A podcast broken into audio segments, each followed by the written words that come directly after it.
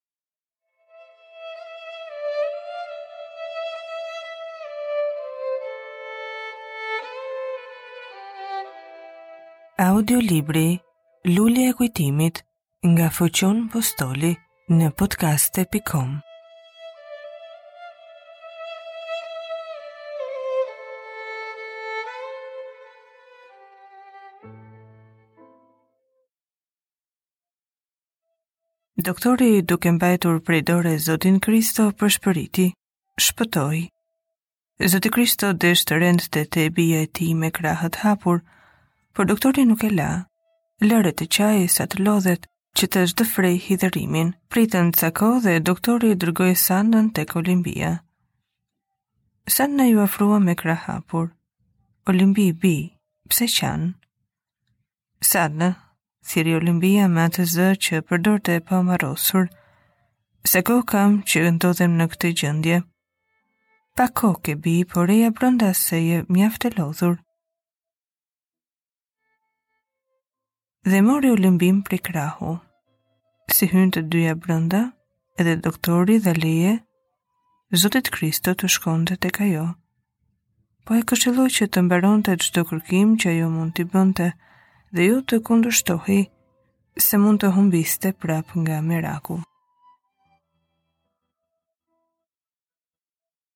Olimbi, thirri ati me gëzim të patreguar, ç'kërkon atë, u përgjigj Olimbia. O përgjigje e dëshiruar të cilën Zoti Kristo kishte 16 muaj që nuk e kish dëgjuar. Pandehte sikur ëndërronte, por ishte e vërtetë se Olimbia foli, foli, jo si e marrë, por si ajo që ish më parë. Atë përshpëriti ajo.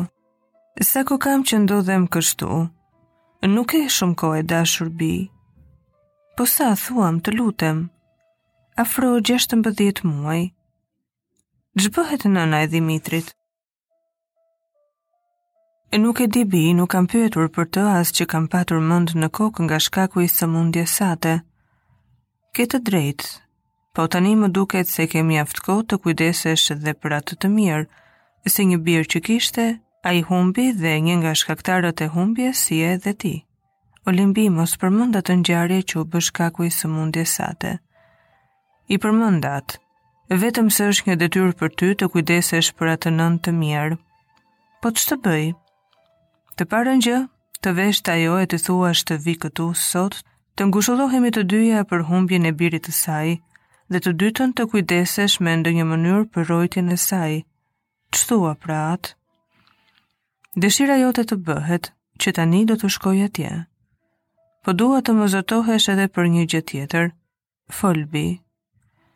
Të mos bësh më fjalë për martesë që tani e tutje. Kristoja u hidhërua, se kuptoi rëndësinë e atij zotimi, desh ta kundërshtonte. Por përmendi këshillat e doktorit, u likokën dhe duke e përshpëritur i tha, të zotohem, dhe doli jashtë atje ku e priste doktori, të cilit i tha, nuk di si t'ju përuroj për shpëtimin e bijës sime. Fjalët e mia nuk mund të shfaqin dot falënderimin që ka zemra ime ndaj jush. Po të ishit ju i sëmur, Zoti Kristo, tha doktori, nuk do të shkonja, Por u mallëngjeva me bijën tuaj dhe ndjeva një barrë të rëndë kur hyra në shtëpinë tuaj për të shëruar atë. Dhe jam mjaft i lumtur sot që ajo shpëtoi nga një sëmundje e tmerruar.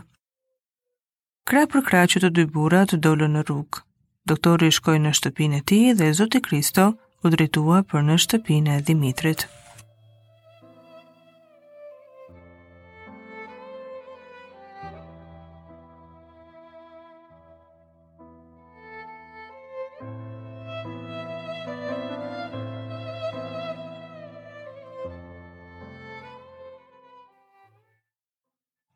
Por sa arriti në rrugë ku ndodhej shtëpia, fytyra e tij ishte plot gëzim, por u vrejt. Përmendte se si do të guxonte ta ngushëllonte për humbjen e djalit të saj. Zemra dhe ndërgjegja e goditën rëndë, se dhe ai kish gisht në humbjen e birit të saj.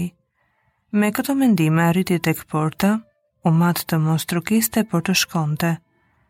Por zotimin që i bëri të bijës nuk mund ta gëlltiste dot.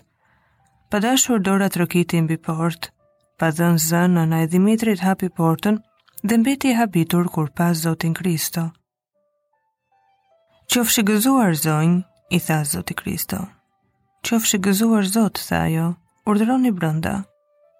Me habitje të madhe ai nuk pa ndonjë shenjë hidhërimi mbi të dhe u çudit me kurajën e saj, por u mendua se mund ta kishte harruar pak nga mendja atë ngjarje. Ndonëse nuk dua t'ju hap plagët e vjetra, tha Zoti Kristo, po beso se dhe unë hoqa shumë. Olimpia ime, nëse e keni mësuar, u marros. U marros Olimpia, thirri ajo. Po, dhe sot me zi erdhi në vete. Lavdi pastë perëndia për këtë, tha ajo. Dhe të parën gjë që kërkoi, vazhdoi Kristoja, është dëshira e saj që t'ju shikojë, prandaj ju lutem, në keni ndonjë dashuri për të, mos përtoni. Mos vini re të shkuarat, por urdhëroni në shtëpinë time. Atje kurdoherë do gjeni portën hapur në çdo orë dhe në çdo nevojë. Ju faleminderit Zoti Kristo, që tani do të vete tek ajo.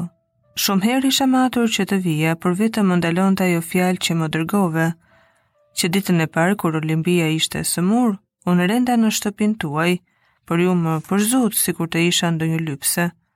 Unë të përzura, nuk besoj kurrë, gabohesh zonjë. Nuk dolët juve, por shkronjësi juaj Nikoja. Ai më tha se sipas urdhrit tuaj të mos shkelja më në pragun e portës tuaj.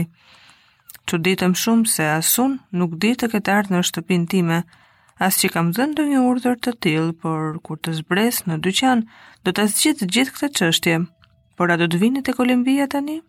Posa të shkoni ju, unë do të vrapoj për atje. Nuk priti tjetër fjalë Zoti Kristo, por doli i çngarkuar nga shtëpia e saj. Por edhe nëna e Dhimitrit këtë rast priste që të shkonte tek Olimbia për disa shkaqe.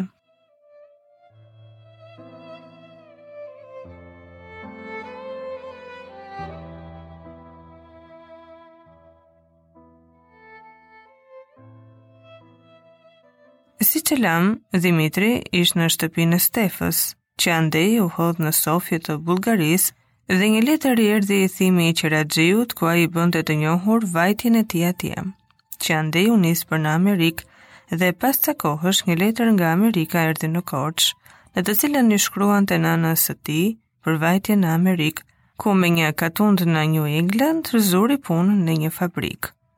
Brënda në letrën e nënës së tij, kish mbyllur edhe një letër për Olimbinë, desh t'ia dorëzonte mëma letrën e vajzës, por nuk gjente rastin. Shumë herë kish ruajtur se mos bashkonte Sanën, por më kot, Sana që kur u sëmur Olimbia, nuk doli nga pragu i portës, por rrinte pranë saj. Desh të shkonte vetë në shtëpinë e Zotit Kristo, por përmendte urdhrin që kish dhënë ai me anën e Nikos dhe nuk desh që të çnderohej përpara botës. Dhimitri në çdo letër të veçantë për Olimbinë, pyeste mëmën, a i dorëzonte letrat asaj se nuk merrte ndonjë përgjigje. Që t'i shkruante atij që Olimbia ishte sëmurë, atij do t'i dërrmohej zemra. i shkrojti se nuk guxonte të vinte tek Olimbia, ngaqë Zoti Kristo kishte dhënë urdhër që mos qasej në shtëpinë e tij. Ndonjëherë kur të shikonte Sanën, i thoshte birit të saj se do t'ia dorëzonte letrat.